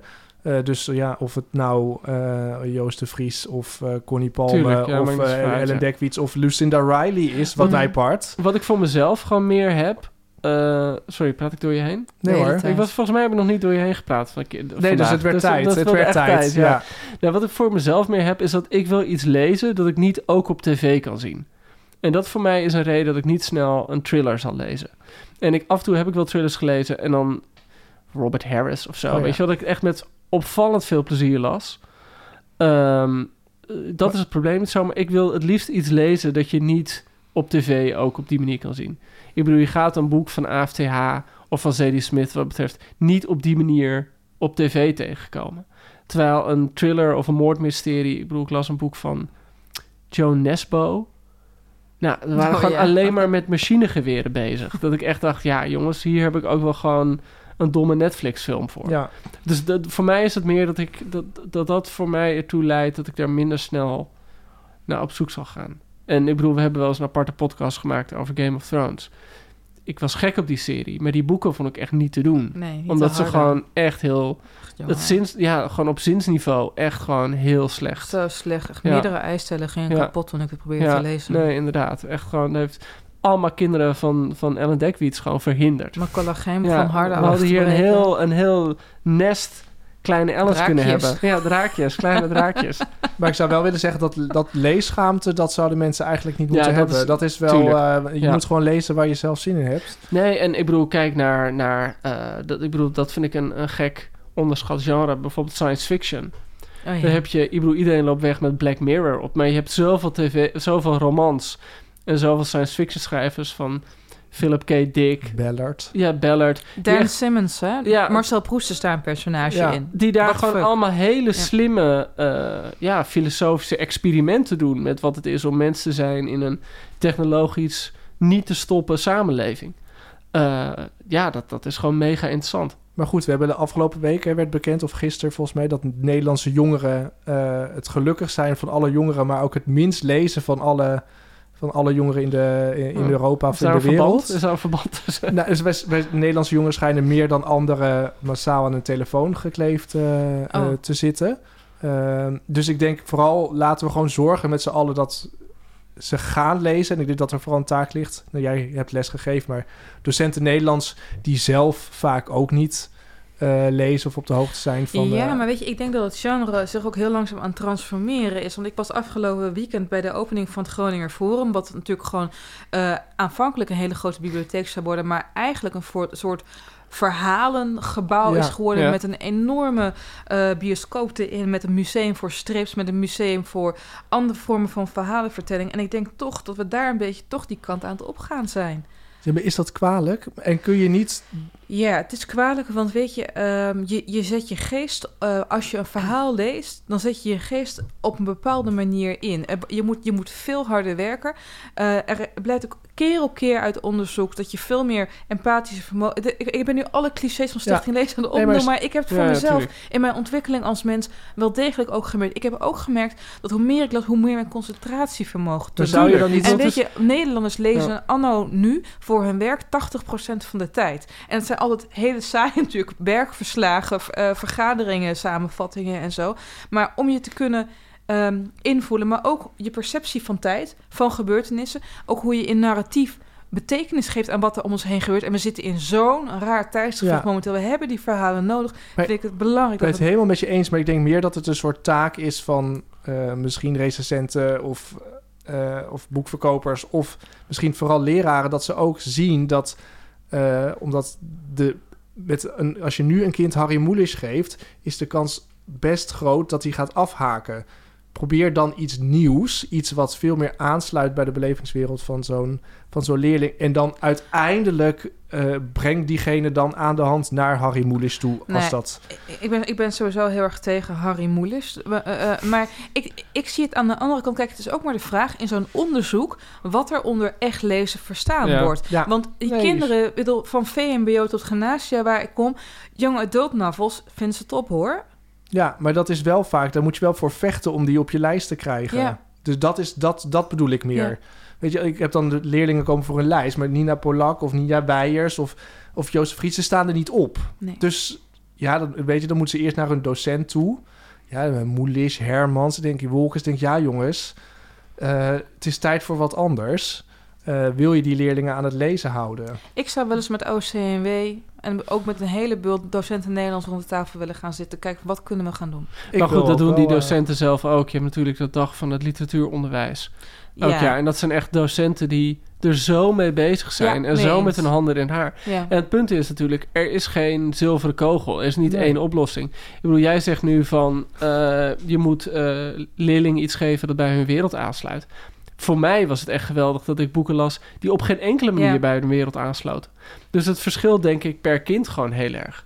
En, en, maar ik ben het met je eens. Kijk, als een hele generatie vrijwel zonder uitzondering Harry Potter heeft gelezen... dan kan je ze ook een volgende stap Ja, geven. en dan zo volg- bedoel ik. dat Neem, moet ze, gewoon neem ze meer mee. Ja, Dus een- eigenlijk hebben we AVI-boekjes nodig. Op, weet je, op de Ja. basisschool dat je van niveau naar niveau naar niveau gaat. Ja. Oh, en ja. daar heeft Stichting Lees, die heeft de leeswijzer al. Maar eh, dit wordt een veel te uitgebreide ja. topic. We gaan naar OCW eh, de volgende We keer. gaan naar. OCW de volgende keer. Hadden wij nog een vraag? Ja. Ja, Nog een vraag, jeetje. Nog ja, ja En je kunt je vragen. vraag gewoon blijven insturen, Ja, dames en ja. heren. Boze opmerking ook. Boekfm.dasmag.nl .nl. Ja. Hey Ellen, Joost en Bob. Hoi. Ik ben grote fan, dat weten jullie vast wel. Nou, Of zal ik het nog eens expliciet zeggen? Ja. Ik ben dus enorm grote fan van de podcast en heb nog geen enkele aflevering gemist. ah. Vaak zit ik hard op te lachen op de fiets, want jullie hebben de onweerstaanbare combinatie van intelligentie en humor. niet zo Hulde slijmen. hulde dus. En een vraag. Zijn jullie van plan om na 23 afleveringen eens een boek uit de Vlaamse literatuur op te diepen en te bespreken? Wat? Is het een blinde vlek of een bewuste keuze om de Vlaamse letteren buiten het Boeken FM actieterrein te houden? Oh. Benieuwd. Yours truly, Saskia. Ja, Saskia Sadie Smit is dus gebo- geboren in Brussel. Is, nee, flauw, flauw, flauw, flauw, flauw, Koster. flauw. Ja. Nee, Saskia, nee, maar ik, ik, ik, ja, dit is volgens mij Saskia Ja, de Koster, Saskia de want Koster, ik weet dat dat kan de fiets ons luistert. Ja, Hij ja, Saskia, op alles goed? Ja, Ja, ja. je hebt groot gelijk. Kijk, we hebben natuurlijk wel boeken, eh, bundels eh, aangeprezen. We hebben Tonkat meerdere keren eh, voorzien van een gouden lijntje. Eh, maar je hebt groot gelijk. Ja. En eh, eh, wa- wat vinden jullie Ja, kinderen? sowieso, kijk, sowieso Nederlandse literatuur merken. We Meer. misschien meer Nederlands ja. literatuur doen. We hebben veel Engels gedaan, we hebben Fransen gedaan, we hebben Denen gedaan. Ik bedoel, we hebben wel van alles wat gedaan. Ik zou heel graag een Maar keer... misschien moeten we weer wat Nederlands en Vlaams gaan doen. Nou, dus niet. We, no- we hebben nog nooit Vlaams gedaan, klaarblijkelijk. En er worden dus ook een mooie boeken geschreven. Dus eh, ja, heel graag. Ja. Oké. Mooi Vlaams poëziebundel Klaverknoop van Paul de Mets behandelen. Top idee. Woesten van Chris Streemrugge. Heel graag. Of klassieker Halloween Paul Boon. Ja, Oh, Saskia. ja. Of Oh, ja. Nachtouders van Saskia Mieke de Koster. ja. Ja. Ja, Ja. nee, ik vind het Oh, een goed nee. idee. Oké, we gaan... Op eh? Ja, ja, ja, ja, ja, ja, Oké, Ja, ja, ja. en speaking of, hè, weet je, Ja. de, mijn voorganger, eh Peter? Buurman. Peter Buurman. Zit Geen hij? idee Is, hij er nog? Ja, je kon wat winnen toch als je hem gezien had? Die is ook bezig met een boek, toch? Ja, maar Ja, dat maar kunnen we Peter niet is geen. Vlaming, hè? Nee, maar wel een Nederlander. Ja, Gaan we- is het we- Nederlander? Ja, Ik weet ja, ja, Ja, ja. Ja, maar Peter is een vriend van ons. Nee, nou, Dat willen ja, gaan we- een vriend. Ja, we, vriend kennen, van we mij. kennen hem. Hij staat in onze telefoon. Maar zonder gekheid, Saskia, je hebt groot gelijk. Ja, oké, zoals komt voor de bakker. Ja, fix, dit gaan we Volgend fixen. jaar, Weer ben je, de, volgend zelfs. jaar ben je de eerste. Ja. Op Volgend jaar ben je de eerste. ja. Ons eerste boek in 2000. eh, Nee, niet, niet meteen dat be- beloven. Jawel, laten we dan ook gelijk... Een van, de eer, een van de eerste drie. Een van de eerste. Je moet, drie. eh, wat Connie Palme in de discussie met Saskia Noordop bij de Wereldraad Door zei over wat goede literatuur is. is dat je de lezer vanaf zin 1 iets belooft. Dus ik dacht, laten we gewoon de luisteraars voor het nieuwe jaar iets beloven. Joost, beloof één keer iets. Een Vlaams boek als eerste. Ja. ja, maar we moeten wel even kijken wat er uitkomt gewoon. Dat we niet een of ander Vlaams boek doen dat we het allemaal kut vinden. Dus laten we even kijken wat er verschijnt. Maar we gaan een Vlaming doen in het voorjaar nog. Saskia, we beloven Vlaamse het. poëzie ook. Vlaamse poëzie ook nog. Promised. Eh, Vlaamse klassiekers. eh, ja, wat, we gaan alleen maar Vlaamse, doen. Gewoon, ja, Vlaamse special. eh, Vlaamse special. ja. Ja. Dan gaan we ook de hele tijd met een zachte G praten. Gewoon omdat het irritant is. Ja, jij kunt dat vast. Of Ik kan, dat, ik kan helemaal niks. Nee. Ik vind dat Goed. bij deze Ik, vraag bedoel, ik kan voldoende alleen hebben praten als ik. Anders had ik wel anders gesproken. Terug naar Zadie Smit. We hadden net even, vraag 2 ging over verschillende genres Oh. binnen de literatuur. En de grap is, Zadie Smit die gebruikt ook verschillende genres. We hebben hier te maken met een science fiction verhaal... waarin mensen een soort apparaatjes hebben... waarmee ze half in deze wereld, half in parallele werelden zitten. We hebben te maken met dystopieën. En ehm, ik vond het eh, eigenlijk allemaal heel erg mislukt. Wat vinden jullie daar nou van? Ehm, er zit één verhaal in Escape from New York. Een apocalyptisch verhaal Ja. waarbij Michael Jackson, Elizabeth Taylor en Marilyn Brando, klopt dat Ja, goed? Marlon Brando, ja. Ja. Op 11 september New York uitvluchten. Vluchten. En dat is dus waar gebeurd. Dit is op 11 september 2001 gebeurd. Toen waren ze in New York. Ja. En toen zijn ze met z'n allen in een limousine gestapt... met het idee van de stad vergaat, we moeten wegwezen. En dat vond ik nou echt een verhaal dat ik dacht van... goh, ze, ze neemt een leuk idee... maar uiteindelijk ja, vond ik het heel weinig nieuws opleveren. Oh, het zette mij juist wel. Ja? Dat vond ik een Oh, van de minder erge verhalen Ja, ja, uit de bundel. Ja, het zette mij wel aan het denken. Want eh, die mensen, die, die zien het op een gegeven moment gewoon leuk als een uitje. Ja, En vooral Marlon Brando, die gewoon koolhydraat verslaafd is. Die wil bij elke, elk roadrestaurant wil die wat gaan eten. En nee, ik zie dat juist als een soort van... Het maakt niet uit wat er gebeurt. Als je eh, uit een geprivilegeerde groep komt... dan komt het altijd wel je- dik ja, ja, dat in orde. ja, Ja, wel. op zo'n manier. Ja. En 2001, Michael Jackson was al wit. Dus het is ja, wat dat nee, betreft. Maar nee, dat, dat- daar werd, was ik juist wel echt van gecharmeerd.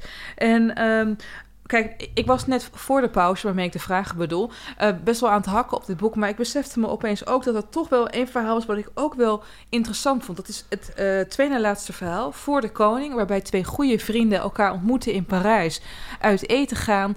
En ze hebben het een Ja. beetje over hun vrienden, over het hebben Ja. van kinderen, hoe het is om homoseksueel te zijn. Ehm, ook die haar fijne kleine observaties over menselijke verhoudingen, waarin Sadie Smith hierin, althans in deze bundel, wel echt uitblinkt. Bijvoorbeeld van, ik kleedde me mooi aan, want voor dit soort vrienden doe je dat nou eenmaal. Ehm, die twee ontmoeten elkaar, lopen lekker te haten, worden totaal shitfeest, gaan gezapig en vooral gelukkig terug naar hun hotel. En dan beseft zij op een gegeven moment dat zij één ding niet aan hem heeft verteld. Dat op de reis naar Parijs toe ze in de trein staat met een vrouw en eh, die haar eh, volwassen, eh, ja, een beetje maffe zoon bij zich had. Dus die een soort Gilles de la Tourette heeft, waar die alleen maar voor de koning, à la roi, à roi, oeps, voor zich uitbrulde. En dat ze dat gewoon niet aan hem kon vertellen, omdat het narratief niet paste. En dat terwijl ze in die trein zat en die man met de La Tourette helemaal aan het blaren was, iedereen de techniek pakte, oordopjes en iets anders opzette. Dus eigenlijk het, die man het, het, ja, de trein uit zepte. Vond ik een goed verhaal. Maar dat is wat ze in meerdere verhalen doet, toch? Ook personages eigenlijk eruit zeppen. Niet in alle verhalen, eh, maar inderdaad, het, het buitenstaanderschap is een heel groot thema in deze verhalenbundel. Maar in dit ver- specifieke verhaal in Voor de Koning vond ik het geslaagd. En wat was dan het verschil? Het niet expliciete. Ja, ik ben En wel ik helemaal wat je bedoelt, inderdaad. Ja. Het, ik bedoel, in andere verhalen is het meta gehalte drie keer onderstreept. en hier is het meta-verhaal gewoon in... Maakt deel uit van het verhaal. Namelijk, ze bedenkt gewoon over die avond met die vriend, V, V, eh, heeft geen naam verder. En dat het inderdaad ze het vergeten is te vertellen. Het- Gewoon een soort van gekke gedachte is het meer. Nou ja, omdat en de het zelfschaamte, Ja. dat maakt het heel kwetsbaar. Ehm, wat vonden jullie van het omslag van het boek? Dit is, Nou, ik weet net hij- alsof hij- dit een jij, jij- vraag nee, is. maar jij hebt hem in het Engels gelezen Ja. ook. Jij, jij hebt hem in het Nederlands gelezen? Ja. Heb je nog iets... Ik vond prima Beschrijf jij eens hoe de, Ja. hoe de omslag Nou ja, de omslag is van een... eh, ik pak even volgens mij een eh, Jamaicaans eh, ja, bankbiljet van het 500 dollar biljet. En staat Nanny of the Maroons, Granny Nanny op afgebeeld. Die naar een van de strijdsters van de slavenopstanden op Jamaica. En daar gaat ook het slotverhaal over. Daar, daar, daar, daar komt eh, eh, Nanny Maroon helemaal in voor. En Wow. eh, hoe mensen die eigenlijk ook waarschijnlijk uit één en dezelfde groep stammen, toch allemaal verschillende belangen hebben. Dat, daar sluit deze bundel ook heel mooi mee af. Dan Ja. ziet op een gegeven moment de ik-persoon uit dit verhaal, een zwarte jonge vrouw, die ziet alle voorouders eh, lopen in de verte. Ik ben zo blij dat je dit vertelt. Ik dacht namelijk dat het gewoon een hele lelijke tekening van Zadie Smith was. Oh, het is nee! ook gewoon, het is namelijk ook gewoon een zwarte vrouw met zo'n hoofddoek om. Ja. Zoals Zadie Smith Nee, ja, dra- nee, is het niet moslim, maar draagt wel altijd zo'n hoofddoek Ja. vaak. Ja. En ik dacht dat het gewoon een hele lelijke tekening van haar was. Nee, Ik had gewoon nooit die link gelegd dat het die, die, dat personage is. Nee, nee, nee. oh, nee, het dit is verklaart alles. Oké, ik dacht echt van ze zijn gek geworden bij Prometheus. Zijn ze ook, maar, Ja. maar dit keer met reden. Nee, maar ehm, dat, ja, het, het omslag ten spijt, eh, het heeft dus wel een nut, hè? Want het Ja. is eigenlijk, het boek heet Het Verbond. En dit is de vrouw waarom het titelverhaal Ja. en meteen het slotverhaal van deze Ja. bundeling eh, draait. En ik vond het eigenlijk, eh, ja, ik vond dat wat dat betreft maakte het eigenlijk wel goed. En weet je... ehm, Hoe vond je de vertaling? ja, prima. Oké, Ja, nou, mooi. prima, prima. Wie heeft, Wel wie heeft het vertaald? Ja. Oh, wel oké. Ja. Ja. Oh, ja, nou, goed. Kitty Powels en Anne Jongeling. Nou, voor Oké, mij vier nou. sterren van Bob blijkbaar twee. Maar in dat, Oké. laatste, in dat laatste, ik vond, die, ik vond die, wat ik typerend vond in dat laatste verhaal, en ook Ja. misschien wel een beetje voor het boek, over ehm, de vrouwen bij ons in de familie, al dus mijn moeder, herkennen de vrouwen in onze familie niet. En ik had ook heel erg dat dat een beetje symbool stond voor het boek, dat je heel vaak misschien jezelf niet herkent in combinatie met je geliefde of vrienden of mensen met Ja. wie je bent, maar ook de ander misschien toch niet Ja, dat, totaal. dat is wat ik net al zei. Ja. Dat zit Ja. in meerdere verhalen. Van En ik mensen die vond zijn dat zo gefixeerd op de ander... ja, dat ze en de ander niet zien, maar ook zichzelf nee, niet en ik zien. vond dat dat in Ja. deze zin heel erg mooi eh, Ja. kwam. En weet je, de ironie is ook, eh, eh, want ik neem, ik, ik heb een beetje het gevoel dat we een beetje aan het afsluiten zijn. Ja. Ja. Eh, kijk, ehm, een aantal verhalen draait echt om het failliet van het verhaal. Dat je eigenlijk met woorden niks kan. Dat vertellen eigenlijk in deze tijd nergens op slaat. Maar die verhalen zijn zo slecht verteld... dat ze juist die dat credo helemaal onderstrepen. eh, onderstrepen, sorry kinderen. En ehm, dat heeft eigenlijk... is het ook meteen een beetje mijn ja, slotoordeel over dit boek. Ehm, het werkt niet. Nee. Het werkt niet. En kijk, eh, als we even terugkomen op die eerdere vraag over poëzie. Hè? Eh, Joost, je zei terecht dat in een bundel sommige gedichten je aanspreken, andere gedichten je, nou goed, Ja. dat, dat ligt buiten mij. Ehm, ik heb met verhalenbundels eigenlijk een, eh, een, een vuistregel. Ik vind een verhalenbundel goed als ik driekwart van de verhalen, als die me aanspreken. En dat is, vaak is dat te veel gevraagd, maar je kan beter je doelen hoog stellen. En hierbij had ik eigenlijk maar vier verhalen die ik echt heel erg mooi vond. En bij de rest vond ik het... Ik, zou het, ik, ik heb vaak bij Right Now, dat is een schrijfwedstrijd voor jongeren tot 25 jaar... ik zou ze niet door laten gaan naar de volgende ronde. Goed. Sadie. Arme Sadie. Arme Zedi. Ja, arme Ellen, want ik moest het lezen. Ja. Cijfer, Ellen. Jij kunt ook goed rekenen, dus jij rekent altijd mee voor het gemiddelde.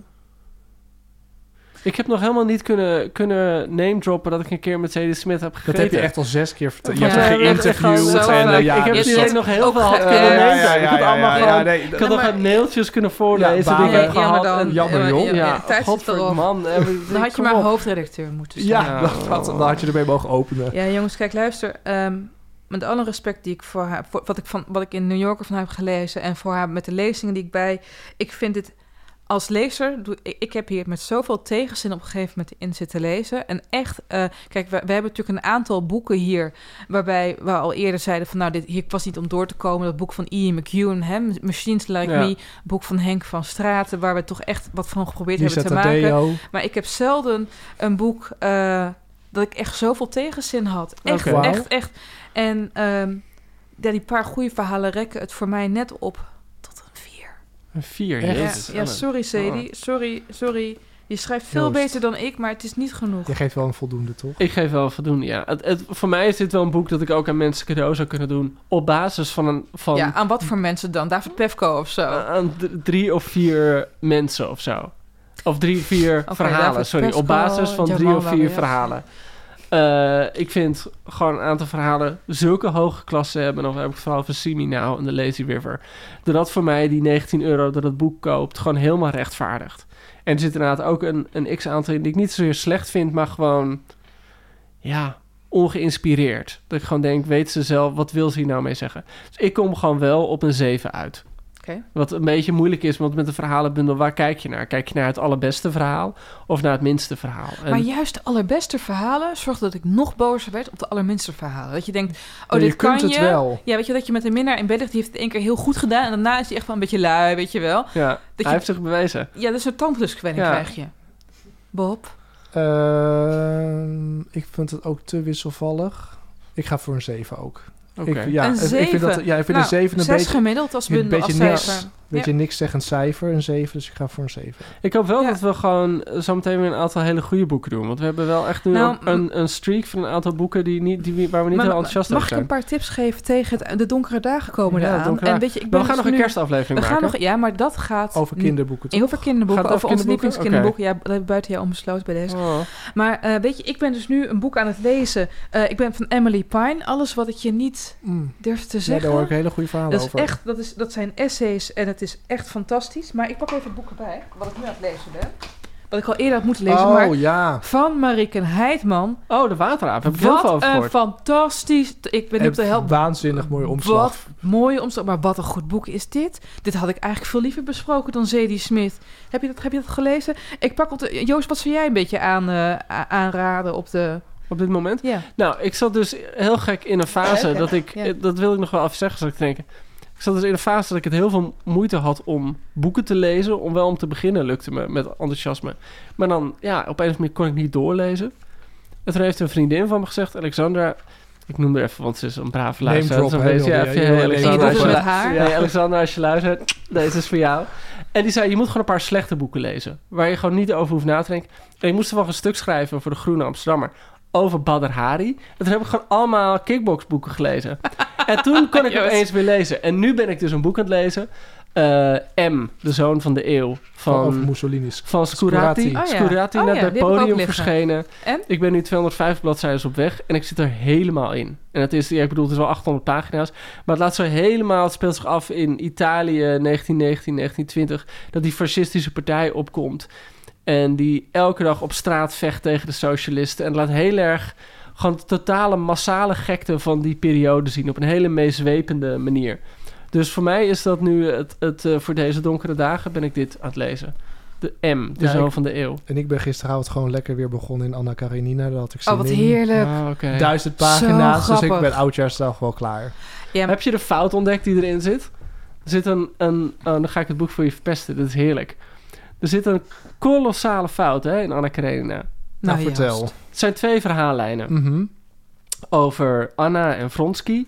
En over Stefan Stefan. Stevin en Kitty. en Kitty. Kitty. In het verhaal van Anna Karenina gaat zeg maar drie jaar voorbij. In het verhaal van Kitty en Steven gaat vier jaar voorbij. Dus, dus de tijdlijnen kloppen niet.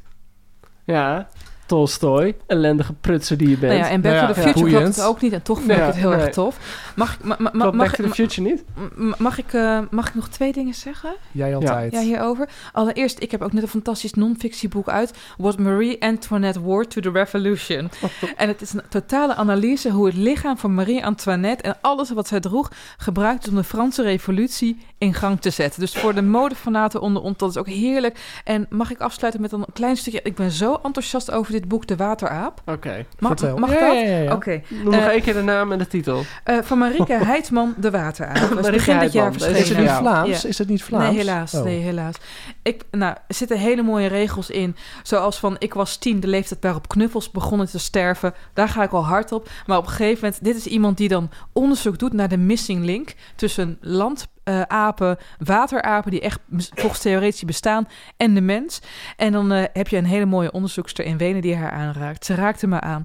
Rond mijn voeten ontsproten stokbonen. Dikke kliembladeren klapten open. Daarboven vormden zich paren, hartvormige bladeren met in het midden slanke, rankende stelen die wiebelend zochten, rekten en langer groeien. Nieuwe bladeren vormden en mijn benen vonden. In gelijke lussen sloegen ze hun slingerarmen om mijn benen. Ik raakte bedekt met stengel en blad. Ter hoogte van mijn hart begon het te bloeien, rood als fijne bloedspetters op een groene wand. De ranken bereikten mijn kruin, konden niet hoger en bogen zijwaarts. Wijfelend hingen ze in het luchtledige. Vanaf hier was er geen weg terug en met hun bochtige armen wenkte ze Lena. Ze liet mijn arm los. De spetters verdorden en vielen aan mijn voeten. Bloemrui. Maar de hand, die er maar even was, had ik gevoeld. Amen. Amen! Dank Op jullie naar de wel. volgende keer. We gaan een kerstspecial opnemen over Verrassing Joost. Onze favoriete kinderboeken. Hij was- hij was akkoord, hoor. Jullie Hij hebben, was toch, akkoord. jullie hebben toch niet een appgroep waar ik niet in zit, hè? Dat jullie er Nee, eentje voor de Joost, vorm kom mij je hebben. daar nou bij? Bij. Bedankt voor het luisteren, Ja, lieve mensen. Dank jullie wel. Dankjewel, Bob. Joost, Ellen. Ja, Dankjewel, jongens, Merel. Het was weer Dankjewel. genoegen. Ja, let's do this again sometime soon. Ja. Ja. laten we dat doen. Over een jaar of twee. Merel, neem je hem op deze keer?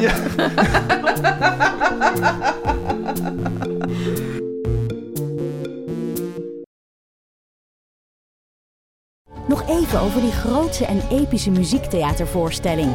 Het achtste leven voor Brilka is een marathonvoorstelling van 5 uur. Koop je tickets voor deze bijzondere theateravond via oostpol.nl.